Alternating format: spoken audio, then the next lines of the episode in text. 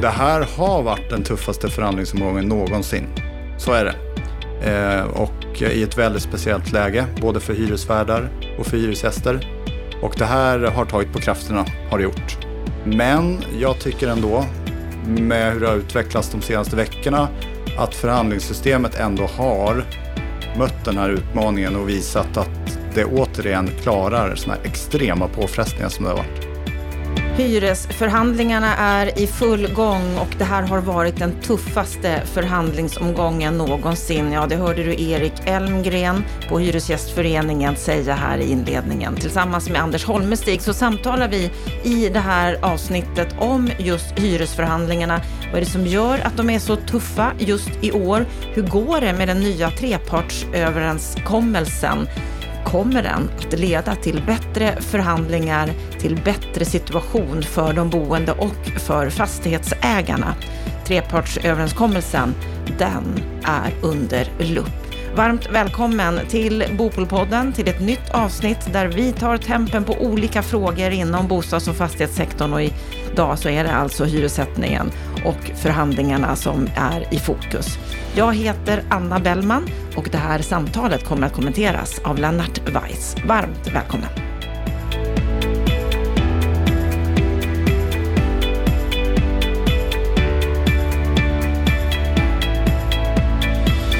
Hyresförhandlingarna, ja de är i full gång och har varit så ett bra tag. Och för första gången så testas den nya trepartsöverenskommelsen. Men hur går det egentligen? För att ta reda på det så har vi bjudit in två av parterna, Hyresgästföreningen och Fastighetsägarna. Erik Elmgren, förbundschef på Hyresgästföreningen sedan två år tillbaka. Vad är din sinnesstämning idag? Ja, men den är bra. Det är ljust eh, väder ute och eh, solen är på väg positiv känsla. Ja. Och Anders Holmestig, vd på Fastighetsägarna i Sverige sedan snart tre år tillbaka. Vad är din sinnesstämning idag? Ja, men jag håller med Erik om att det är fint väder och på väg att bli ljusare. Sen har vi väl en del att jobba med i vårt, eh, vårt arbete med att utveckla de här årliga förhandlingarna. Eh, det tror jag det visste vi också för ett halvår sedan när vi började med det. Eh, att det skulle bli, kunna bli lite utmaningar. Och det är precis det vi ska prata om idag. Vilka är utmaningarna och hur ska ni klara av dem egentligen? När jag läser på med er två för att lära känna er lite mer. Erik, du var ju med i Bopolpodden för ett par år sedan, nummer 75. Då menade du att hyressättningssystemet, det fungerar visst. Vill man förstå vad du menar med det, då får man lyssna på avsnitt nummer 75. Du har ju varit på Hyresgästföreningen i en massa år, bland annat som förhandlingschef, bostadspolitisk chef.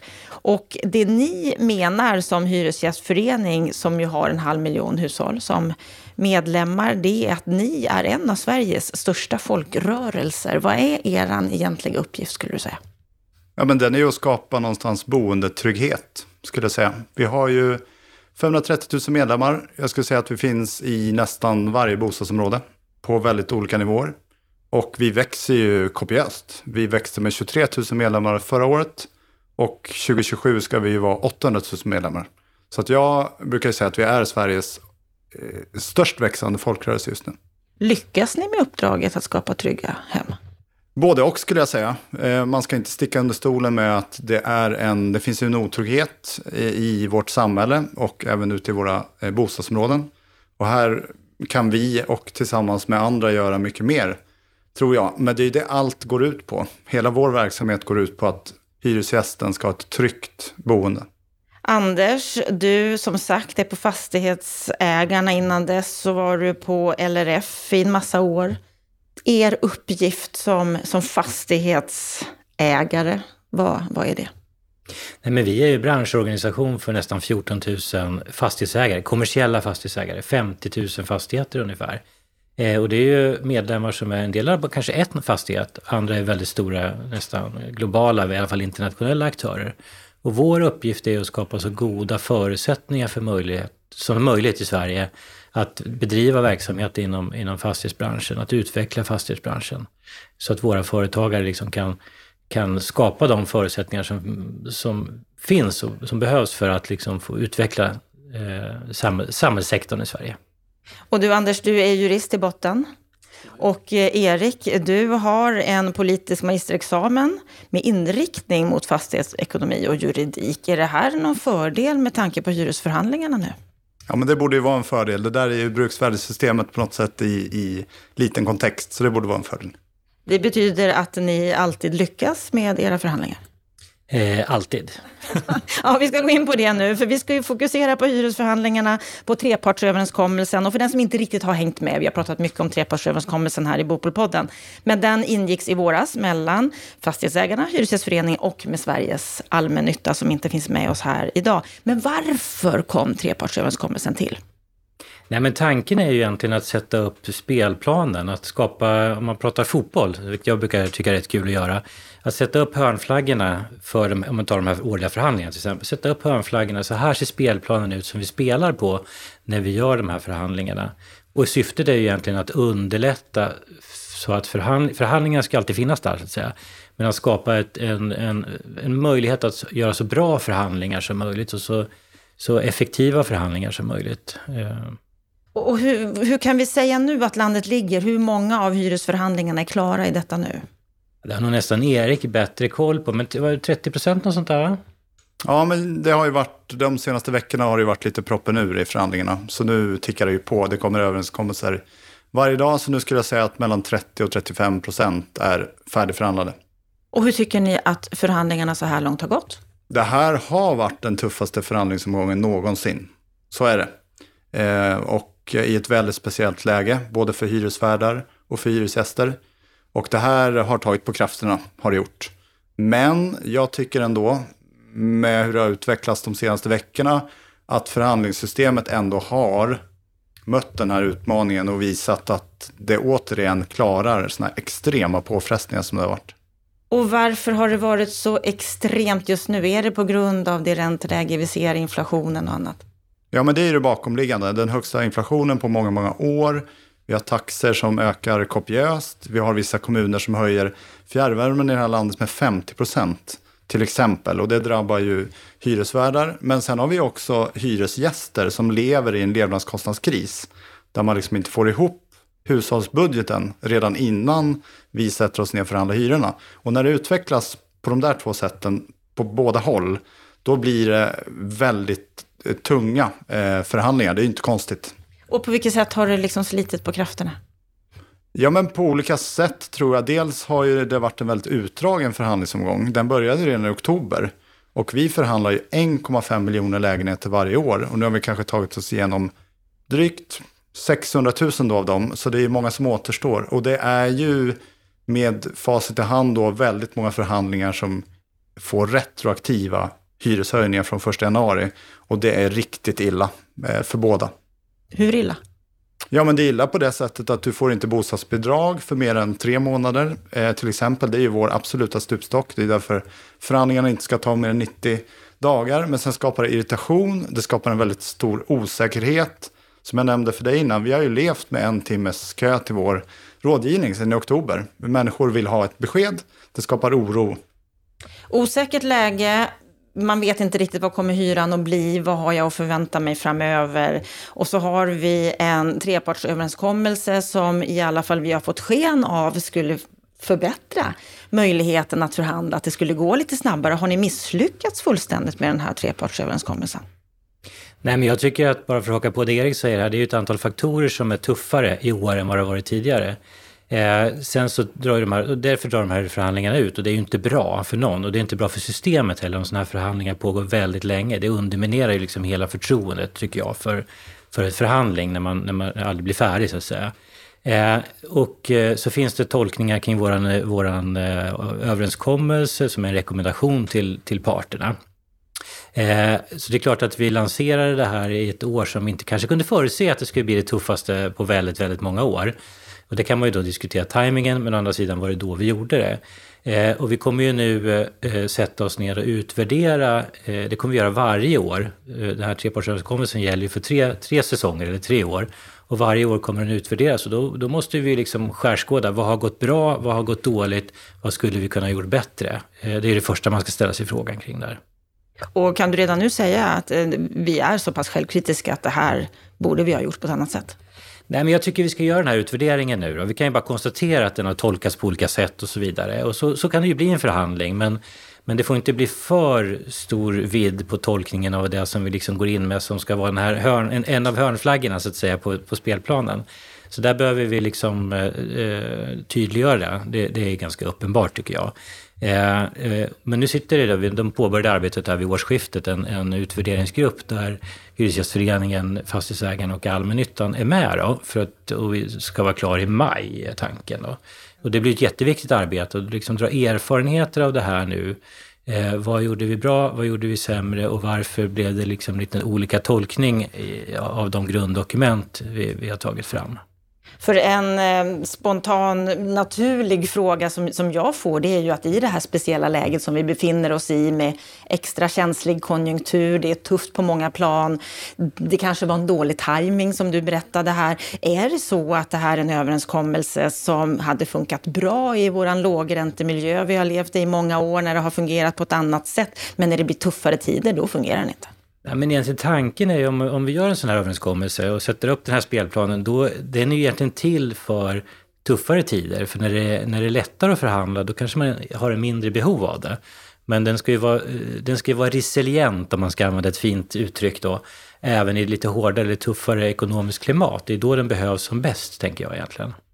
Vad jag också får intrycket av det är att det visar sig att i många fall så har uppgörelser gjorts utanför trepartsöverenskommelsen. Stämmer det? Är det på det sättet och varför i så fall? Ehm, jag skulle säga att ehm, det har gjorts på sina håll, men det har ju också gjorts överenskommelser med trepartsöverenskommelsen. Ehm, det får man inte glömma bort. Jag tror så här att vi hade suttit i den här sitsen vi är i med eller utan eh, en trepartsöverenskommelse. När det blir de här externaliteterna, du kan ha det bästa underlaget du vill. Men någonstans så är det här extremt tuffa tider. Sen får man komma ihåg att implementera en trepartsöverenskommelse på en marknad där vi har över 100 000 människor som möts eh, i olika möten. Eh, vi förhandlar över hela landet, 300 kommuner, vikande marknader, starka marknader. Det är människor som möts. Det tarvar liksom en, en lång implementering. Så jag skulle säga att Nej, det kanske var otur att det blev det, här året. Men å andra sidan har ju det här året lärt oss väldigt mycket. Nu har vi tillsatt den här operativa arbetsgruppen. Vi kommer utvärdera, skruva kanske på en del parametrar. Eh, så jag tror på sikt att den här överenskommelsen med de här tre års glidande också värden som trepartsöverenskommelsen är, att man inte bara tittar på ett år. Det tror jag är väldigt gynnsamt. Så, så om man blickar ut, om man zoomar ut lite och kör lite daylight och dagsljus på det här, då tror jag faktiskt att eh, den här överenskommelsen kommer kunna bidra till parterna väldigt mycket. Men det var ju en väldigt tuff start. Eh, men så här med backspegeln så är det ju inte konstigt att när man börjar förhandla på ett nytt sätt att det uppstår tolkningar. Jag tycker dock att jag tycker att hyresvärdarna och motparterna har använt trepartsöverenskommelsen alldeles för mekaniskt. Vad menar du med det? Jo, men att man har viktat de här olika parametrarna, eh, nästan rört sig mot ett index. Och då måste man komma ihåg vad trepartsöverenskommelsen är. Det är en metod för lokala kollektiva förhandlingar. Vill man ha ett index, ja men det är då något annat. Och den svarar egentligen bara på vad, de fem parametrarna. Hur, det måste ju de lokala parterna bära. Kent Persson, som ju är en av våra expertkommentatorer här i podden, han sa så här i veckans Aktuellt för en dryg vecka sedan, att nu ligger det nära till hands att avtalet helt enkelt dör innan det fick vingar och flög. Kan ni förstå hans uttalande om er överenskommelse? men alltså, det finns ju åsikter och synpunkter på det här och frustration och de är ju väldigt mycket kopplade till den här situationen också som vi har. Eh, jag tycker först att vi har inte varit mekaniska i vårt sätt att hantera den här. Eller liksom, eh, vi har liksom eh, tagit fram ett antal olika scenarier till stöd för, för de som vill använda dem och sådär. För det, det, är ju viktigt att det här är ett, ett, ska vara ett stöd i förhandlingen. Sen är det en förhandling i slutändan där man, där man befinner sig. Jag tycker ju att vi, vi har inte ens utvärderat det än, så att vi får börja med det tycker jag faktiskt. Och i grunden så, så, tycker jag att det är viktigt att hitta en form, för det här är ju en av de här hörnpelarna eller hörnflaggorna. Sen har ju vi på eh, Hyresgästföreningen och vi på Fastighetsägarna, vi har ju den här tvistelösningen på gång och ett antal delar i den och det finns ett antal andra saker eh, som, vi, som vi kommer lansera eller som kommer implementeras. Och som helhet så är ju ambitionen, och där är vi ju helt överens eh, Erik och jag, att, vi, att hitta liksom en form som gör att det här går fortare, effektivare, de här årliga förhandlingarna, så att vi kanske också kan lägga mer tid på andra saker eh, som handlar om att utveckla hyresrätten som, som upplåtelseform. Som, vi, som parterna inte egentligen... Det, de här förhandlingarna har väl, ja så har det varit länge, du har ju varit med länge Erik, de har ju alltid tagit väldigt mycket tid och kraft och när de är färdiga på något sätt så tolkar jag det liksom, då blir det så här, nu har det här, oj nu är vi klara med det här året och sen finns liksom inte orken att ta de här andra frågorna vidare. Och det är klart, alla förhandlingar är inte klara i år, ungefär 30 procent som du sa. Det vi kan se det är ju att vi har sett höjningar på i snitt, vad har det varit, 3,5-4,5 procent? Är ni, är, är ni nöjda med de eh, höjningar som har skett så här långt? Nej, det är vi ju inte. Vi tycker att de överenskommelser som vi träffar är på väldigt höga nivåer. Det är ju den högsta höjningen på 30 år. Det slår mot hushållen väldigt mycket. Är det dessutom retroaktiva hyreshöjningar så, så skapar det, som jag var inne på, irritation. Så att nej, vi tycker nivåerna har varit för höga. Visst, de har varit mindre än 10 procent. Men det är fortfarande väldigt höga höjningar. Och om man tittar då på er fastighetsägarna, det ni har varit ute och eh, propagerat för sig att vi behöver ju se höjningar på i alla fall 10 procent om man ska klara av de kostnadsökningar som fastighetsägarna möter och så vidare för att kunna förvalta sina bostäder, sina fastigheter på ett, på ett rimligt sätt. Håller du med Erik att det här har varit alldeles för höga höjningar? Nej, men där har vi väl olika åsikter då. Men, men eh, eh, det gäller att hitta den här balanspunkten som gör att man liksom hittar ett, ett vettigt pris på, på, på, sin, på hyresrätterna. Och eh, jag har ju förståelse för att det är många hyresgäster som på samma sätt som alla, alla andra eh, i samhället har väldigt tufft ekonomiskt.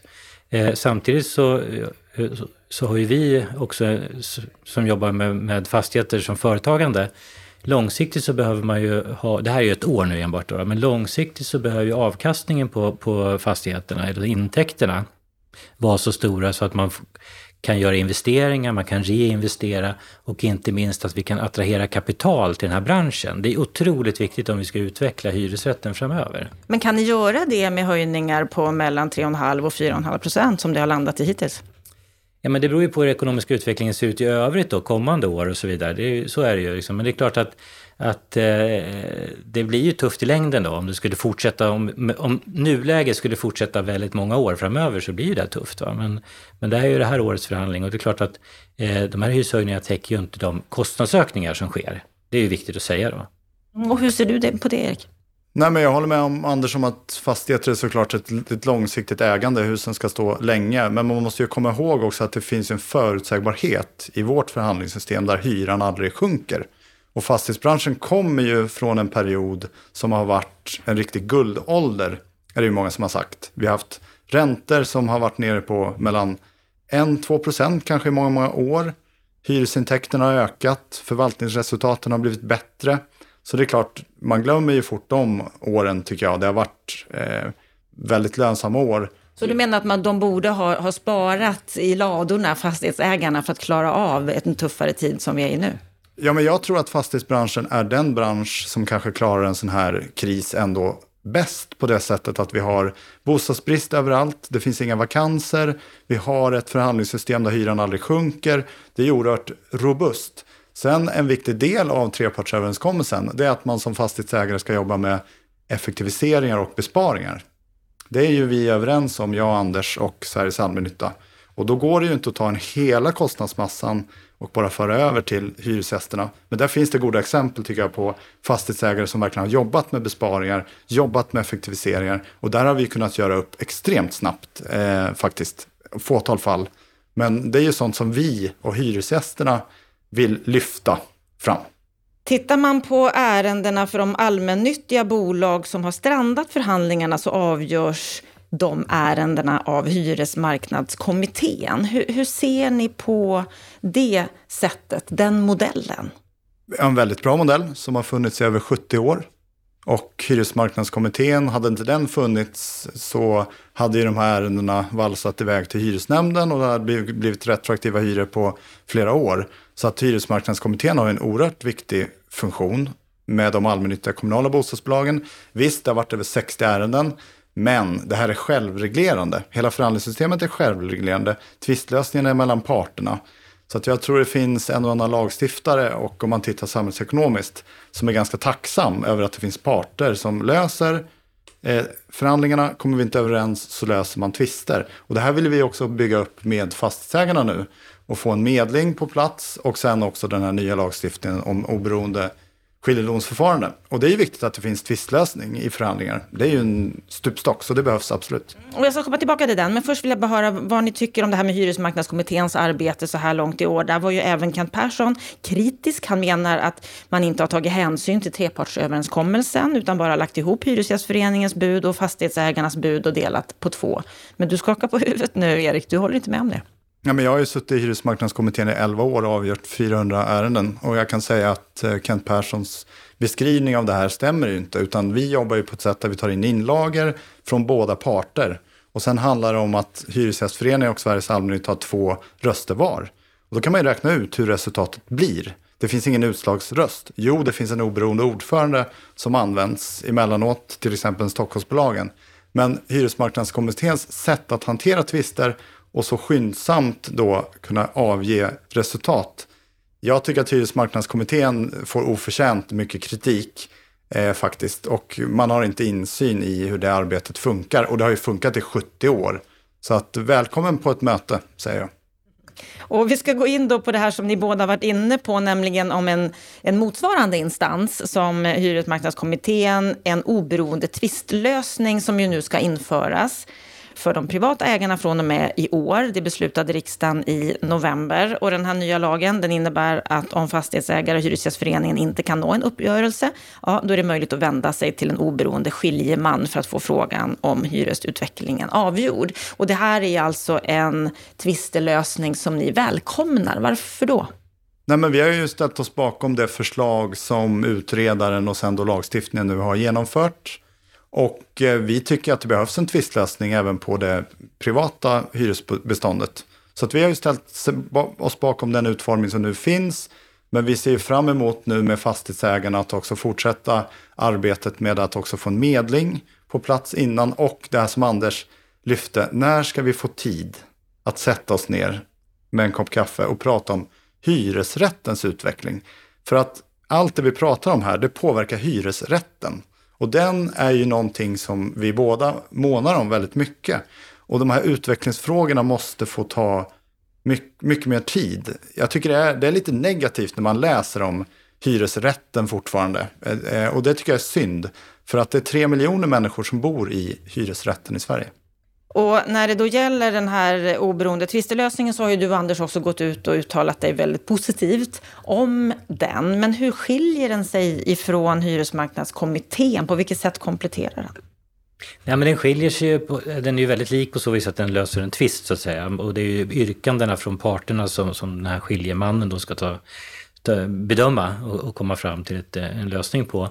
Eh, skillnaden är ju att här är det ju då eh, hyresnämnden som utser en skiljeman. HMK är ju parterna, det vill säga allmännyttan och, eh, och Hyresgästföreningen som, som eh, driftar hela systemet. Va? Eh, och också är de som finns med i, i det här skiljeförfarandet. Så det, det skiljer sig. Det här är ju något slags semi-offentlig rättsligt skulle man kunna säga. För det bygger på att parterna är överens om att man i sina förhandlingsordningar pekar på att man kan använda den här tvistelösningen. Då, då. Eh, och jag kan väl säga så att jag tycker att eh, ska man få en marknad att fungera, ska man få en förhandling att fungera på ett bra sätt, oavsett om det är en sån här förhandling eller om det är på arbetsmarknaden eller om det är en kommersiell förhandling, då är det väldigt viktigt att ha den här inramningen, liksom lite start och stopp, sätta press i systemet på att man faktiskt ska komma överens. Och det är ju egentligen det viktigaste syftet med en tvistelösning, att, att man vet att ja, men de här tidslimiterna gäller, då får vi se till att lösa den här frågan, då, om man har den ambitionen. Eh, för som jag började med att säga här tidigare, att liksom det är viktigt i sådana här system att, de inte blir, att det blir för mycket långbänkar. Att det tar för lång tid, att det blir för sega processer. För då, då underminerar, underminerar man i längden förtroendet för, för förhandlingssystem, tänker jag. Du sa också i en intervju, Anders, att du tror att den här nya tvistelösningen, den här modellen, kommer att stärka investeringarna i hyresrätter. Vad menar du med det? Nej, det kommer jag inte ihåg när jag sa det, på säga. Men, nej, men det är väl lite grann det här återigen, att det här blir, det inramar det här systemet, eh, den här förhandlingen på ett tydligare sätt. Eh, och klart om man ska investera i någonting, eh, oavsett vad man vill investera i, då, man har alltid alternativ. Och eh, eh, vi måste ju vara ett attraktivt alternativ för externt kapital och för investeringar. Det vill säga att investera i att utveckla eh, hyresrätten som, som boendeform. Och då är väl det här en pusselbit, tänker jag. Om vi tittar på de här hyrorna som nu har höjts med då mellan 3,5-4,5 procent. Det är väl mycket som talar för att kommande förhandlingar kanske hamnar i samma linje. Där om jag får då hänvisa till, till Kent Perssons uttalande i veckans Aktuellt återigen, så menade han att de stora förlorarna på sikt är hyresgästerna. Men inte på det sättet som du menar, Erik, med att de får högre hyra, utan att fastighetsbolagen måste prioritera ner underhåll etc. i sina fastigheter. Vilka tycker ni är vinnare och förlorare när det gäller de här förhandlingarna som vi är inne i just nu? Det finns inga vinnare och förlorare i förhandlingar. Det finns två missnöjda parter. Eh, däremot så tycker vi vad gäller underhållet att hyresgästerna betalar ju kanske nu 12-1300 i, i, snitt för sin eh, lägenhet. Av det är 40 procent sånt som går liksom till underhåll. Så att man kan ju argumentera för att det redan ingår underhåll i hyran med de utgående eh, hyresintäkterna som finns. Och när vi tittar på företagens årsredovisningar, det är inte så att vi har mycket konkurser på den här marknaden. Jag, jag kan inte minnas själv ett fastighetsbolag som gick i konkurs. Någon får gärna påminna mig. Men vi tror ändå att med de här utgående hyresnivåerna så klarar man av att bibehålla sin kvalitet och underhåll. Det är min bestämda åsikt. Håller du med om det, Anders? Nej, men jag tycker att eh, det är väldigt defensivt att prata konkurser, för det är ju liksom det extremen på något sätt. Utan det handlar om att var är en lämplig hyres, vad är en bra hyresnivå för att, att att hyresrätten ska kunna utvecklas och vara en attraktiv boendeform. Det är egentligen den frågeställningen man måste ställa sig. Och i det ligger ju flera saker. Det dels lägga att underhålla det som finns. Det handlar om att eh, vilja investera i nytt. Det handlar också om att, att eh, attrahera kapital, pensionskapital eller privat kapital eller vad det månde vara till branschen så att man gör investeringar. Så klart att långsiktigt måste ju hyresnivån ligga på ett, eh, på ett sånt sätt så att, det, så, att, så att vi drar människor till branschen som vill investera och utveckla branschen. Eh, det är ju helt avgörande för om, vi ska bli, om hyresrätten ska bli ett, än mer attraktiv boendeform, vilket jag tycker att eh, det är min vision så att säga, att det här är en riktigt bra boendeform för de som väljer att vilja ha den och den ska vara attraktiv. Den ska vara attraktiv, men den är ju inte det på alla sätt för alla idag. Hem och hyra de skriver att låginkomsttagare ofta bor i hyresrätter med kallhyra. Att det är de med lägst inkomster som oftare bor i bostäder som värms upp med fossila bränslen, direktverkande el och trots att de gör av med mindre energi än höginkomsttagare så drabbar de oftast hårdare när samhället ställer om med tanke på de höga energipriserna just nu. De får det väldigt tufft nu. Det är tufft för många. Ja, det är jättetufft eh, för många, särskilt om man har kallhyra. Men det här är ju, som du säger också, det är ju så att eh, den disponibla inkomsten är ju lägre för de som bor i hyresrätt. Då är det ju intressant att se på de stödsystem som finns eh, från statens sida, ränteavdragen till exempel för ägda boendet, det premierar ju en grupp som redan har högre inkomster. Så det finns ju ingen fördelningspolitik att tala om. Och, och, och hyresrätten är ju skattemässigt missgynnad. Det har flera statliga utredningar slagit fast. Och vi tycker att på något sätt, om man kopplar på då den här förhandlingsomgången, så behöver ju hyresgästerna kompenseras. Eh, och där tycker vi till att börja med att företagen måste betala ut elstödet till hyresgästerna. En del har varit ute och sagt vi kommer göra det. Andra får vi mer avvaktande svar för att det ska gå till energieffektivisering och så vidare. Men vi tycker det är självklart att när elstöden är på plats och man får dem som hyresvärd, då ska de komma hyresgästerna till del. Och det kommer vi naturligtvis följa upp i de kommande förhandlingarna. Men det behövs ju riktade stöd till hyresgästerna, tycker vi. Nej, men jag tycker att det är viktigt att ha ett system där till exempel eh, eh bostadstillägg och sådana saker, den typen av stöd, att de hänger med i utvecklingen. Och det är vi helt överens om, eh, Hyresgästföreningen. Vi att liksom efterfrågestöd till utsatta grupper i samhället är jätteviktigt att de hänger med i utvecklingen så att man kan efterfråga en bostad också, till exempel. Vi tycker också att det finns ett antal skatteregler som, som man, man behöver titta på eh, för att eh, Alltså att det ska vara så konkurrensneutralt som möjligt. Men sen samtidigt är det viktigt att säga i den här förhandlingen, om vi tittar på om det blir mellan 3 och 5 procent av hyreshöjningar, någonstans där, eh, så kommer, kan man ju se att hyresrätten, bor man i hyresrätt så har man en bättre kudde för sin hyra än vad man har om man bor i en bostadsrätt eller en villa i den ekonomiska situationen som den ser ut just idag. Eh, för eh, ja, så är det. Och det kan ju vara en del av attraktiviteten i hyresrätten också, att, att det är liksom lite mer lång, den är lite mer långsam i sin ekonomiska utveckling. Men i grunden måste ju ändå den ekonomiska utvecklingen för hyresrätterna, det vill säga intäkterna för de som hyr ut bostäderna, matcha de kostnader som, som man har och också attrahera eh, människor att vilja investera i branschen. Här skakar du på huvudet, Erik. Ja, men jag har väldigt svårt för den här jämförelsen mellan ägt och hyrt och säga att eh, nu går eh, boendekostnaderna upp mycket för de som äger. Ja, så är det ju. Krisen drabbar alla, ingen kommer undan. Men de som har ägt sitt boende har haft nollräntor sedan 2008. Inte nollräntor, men låga räntor i alla fall. Och det finns ett system som gynnar ägt boende i Sverige och missgynnar hyrt. Det har ett antal statliga utredningar redan konstaterat. Och då blir det konstigt tycker jag ett enskilt år att säga att nu ska hyresgästerna helt plötsligt eh, betala mycket, mycket mer för att det ägda boendet har tagit upp mycket pris på grund av att räntan har höjts. Det man ska komma ihåg är att det finns en automatisk uppräkning av krisstöd för de som äger sitt boende med att ränteavdraget följer ju med automatiskt. Någon sån automatisk uppräkning finns ju inte för hyresgästerna. Och det är ju så att de övre gränserna för, för att få bostadsbidrag och tillägg, bostadstillägg, de, är ju, de halkar ju efter hela tiden. Och ju mer och mer och mer du höjer hyran, desto mer eller desto mindre kan då hyresgästerna få rätt till bostadsbidrag och bostadstillägg. Så att den här klyftan mellan ägt och hyrt, den eskalerar ju hela tiden och det blir mer utsatt. En liten kommentar bara där, för du började Erik med att jämföra ägt boende och hyrt boende när det gäller politiska regelverk. Men sen vill du inte jämföra i nästa steg när det handlar om prisutvecklingen på de olika produkterna. Det, det blir lite inkonsekvent kanske så. För det är klart att eh, helheten måste man ju titta på där. Eh, om vi väljer att jämföra, för jag håller med om att vi ska titta på konkurrenskraften i hyresrätten. Men det är också viktigt att se liksom hur ser bostadsmarknaden ut i dess helhet.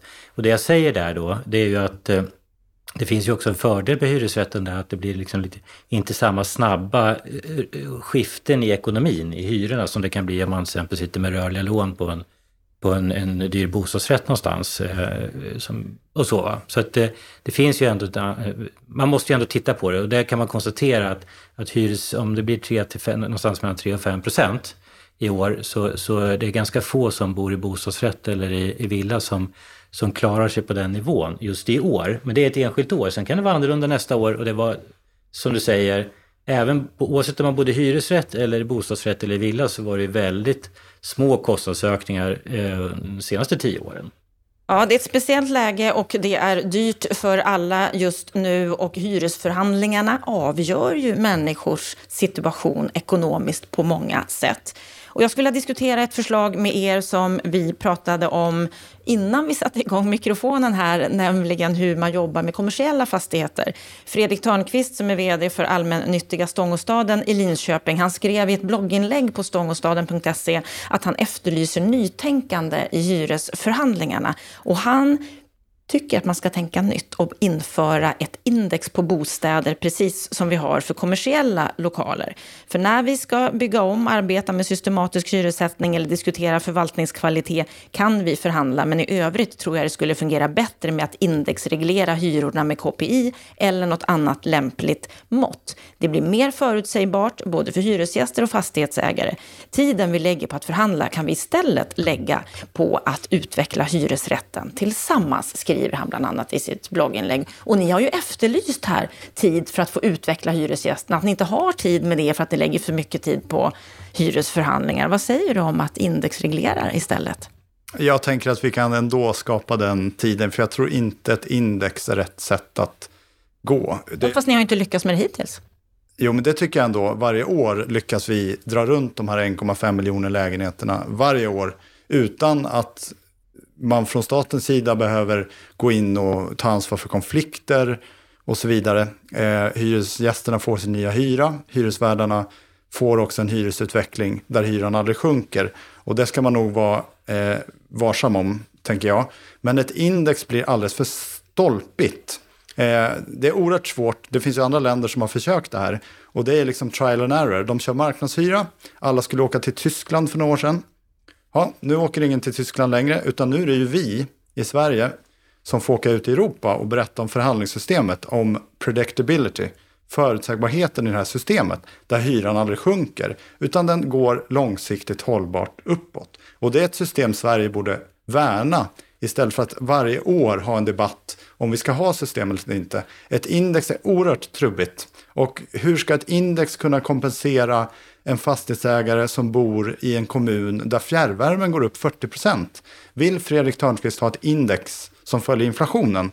I den kommunen blir ju min motfråga då. Jag... Ja, det han skriver då, det han skriver då det är att under de här 25 åren som han har arbetat inom den här branschen så ser han att inflationen, hyresförhandlingarna, de har följt varandra.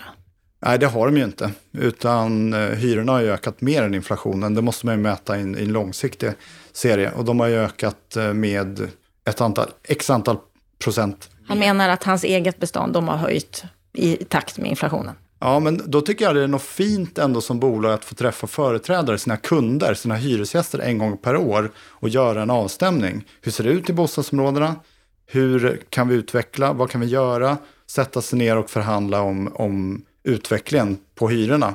Det borde vara värt mycket, tycker jag, eh, mer än något stolpigt index.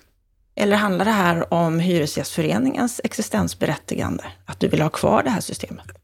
Nej, jag tänker på hyresgästerna. Och hyresgästerna är ju smartare än så. De har valt att organisera sig. För de vet att det finns ett, en intressekonflikt och en maktbalans där den som äger har mer makt än den som hyr. Och då ska man ju på något sätt försöka balansera upp det där. Och då är förhandlingssystemet det bästa sättet. Trots att ni ändå inte får riktigt tillräckligt mycket tid att utveckla hyresrätten som ni skulle vilja. Hyresrätten. Nej, men det, och det håller jag med om. Och det måste vi nog eh, fundera på hur vi skapar den tiden. Vi har ju sagt att 90 dagar, mer ska det inte ta. Och eh, vi behöver kanske hitta ännu mer fart och tid för att eh, ägna oss åt mer att titta på hyresrättens utveckling. Vad säger du Anders om det här förslaget som Fredrik har med, med index som ni har på kommersiella fastigheter? Jag har ju suttit i mycket indexdebatter här det sista halvåret och så det är ju kanske, det, det är inte så lätt det heller alltså. Men eh, jag, jag, jag, vet inte om det just är det optimala sättet att göra, men det som är bra tycker jag med ett inspel där, det är att eh, ju fler inspel desto bättre. För det är klart att ett, ut, ett system som inte utvecklas hela tiden i takt med tiden, det blir inget bra liksom. Eh, och då ska man, eh, då brukar jag tänka så här, då är det bra att ta med det som är bra i det nuvarande systemet och se hur, hur kan vi utveckla det, hur, hur borde det se ut om fem år och så vidare. Och den diskussionen, jag kan tycka i, i, eh, som är lite ny i den här branschen, att det finns väldigt mycket i väggarna.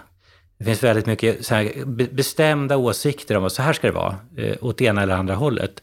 Och jag tror att det första man måste göra om man ska utveckla en bransch, det är liksom att liksom lägga undan det där och sen liksom fundera på, ja men det här har vi, det här funkar bra och det här kanske behöver skruvas på. Hur kan vi ta det vidare i nästa steg? Man måste alltid ha en utvecklingsagenda. Det tycker jag är jätteviktigt. Och om du då har det här utifrån perspektivet med ingenting som finns i väggarna eller som är förutbestämt, hur ser det ut i den bästa av världar?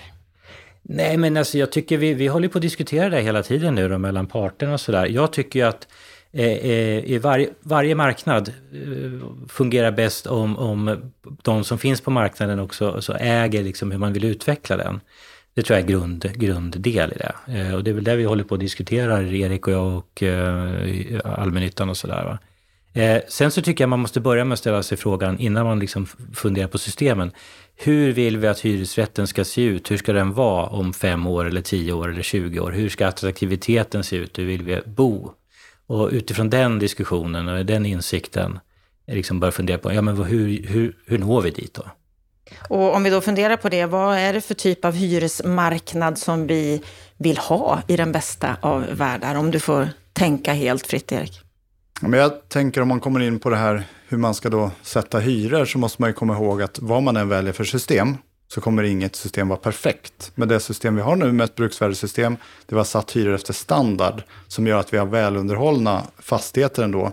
Eh, och hyggligt glada hyresgäster, det har ändå tjänat eh, landet, det får man säga.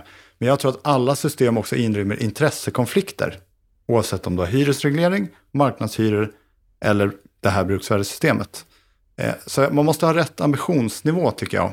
Förhandlingssystemet ges ofta massa uppdrag, lös integrationen, det är höga byggkostnader och så vidare. Och det kan inte ett förhandlingssystem eh, lösa de frågorna, för det är politiska frågor. Men det är klart, på en perfekt, på, på en liksom bättre marknad så önskar man ju att naturligtvis det skulle, skulle byggas mer hyresrätter. För där är det ju också kris nu. Jag tycker att bostadsministern borde faktiskt ta initiativ nu och bjuda in alla. För nu står det ju tvärt tomt i bostadsbyggandet. Och det är ju de långsiktiga effekterna av kanske den här kortsiktiga förhandlingsomgången. Eh, sen behöver man nog ändå ge hyresrätten bättre villkor, bättre ekonomiska villkor, rättvisare villkor att kunna konkurrera med de andra upplåtelseformerna. Först där, då börjar man nog närma sig någon typ av ideal marknad för hyresrätten. Men det är också fint i Sverige att vi har en tredjedel av allt, vill jag säga. Att det finns andra upplåtelseformer som fyller en väldigt viktig funktion och den här blandningen tror jag väldigt mycket på. Det är det många som gör och tror att det är det som kommer att lösa många av våra problem, men att det behöver byggas mer och nu är vi ju i en speciell situation där. Och vi har ju en hel del hyresförhandlingar kvar. Vi har en trepartsöverenskommelse som ska utvärderas och det ska vara klart i maj. Kommer vi om ett antal år, säg 5-10 år, kommer trepartsöverenskommelsen att vara kvar då? Ja, men alltså, vi har ju gått in i det för att vi ska ha ett spelregler för de här årliga förhandlingarna. Och det, det tycker jag, jag, min vision är ju att de här förhandlingarna ska gå så effektivt och fort som möjligt. Eh, och, och, eh, det är väl där vi tenteras på, liksom, att de sker på ett professionellt sätt och, och, blir effektiva så att vi får tid över för de här andra frågorna också. Och hittills så har de ju inte riktigt levt upp till det. Vad tror du Erik, kommer det att finnas kvar en trepartsöverenskommelse över tid? Ja, men det tror jag. Jag är optimist och positiv där. Eh, jag tror att man behöver utvärdera, kanske skruva på några parametrar på att igen nästa år. Och sen får vi inte glömma att trepartsöverenskommelsen rör ju andra frågor än parameter för de årliga förhandlingarna. Vi har arbete med digitalisering, förvaltningskvalitet, offentlig hyresstatistik och systematisk hyressättning. Det är 92 sidor av dokumentet. 13 av dem har vi jobbat med nu, men det återstår ju mycket arbete. Och jag tror på trepartsöverenskommelser, för jag vet att när de tre starka parterna sätter sig ner, gör de här långsiktiga överenskommelserna med tillägget då att man kanske behöver utvärdera och skruva, men det är bättre att göra och försöka än att sitta och inte göra någonting. Så jag tror på det här. Och vi kommer att följa allt arbete som ni gör såklart, för det är det vi gör här i Bopolpodden. Stort tack för att ni kom hit, Erik Elmgren och Anders Holmestig. Tack så mycket. Tackar.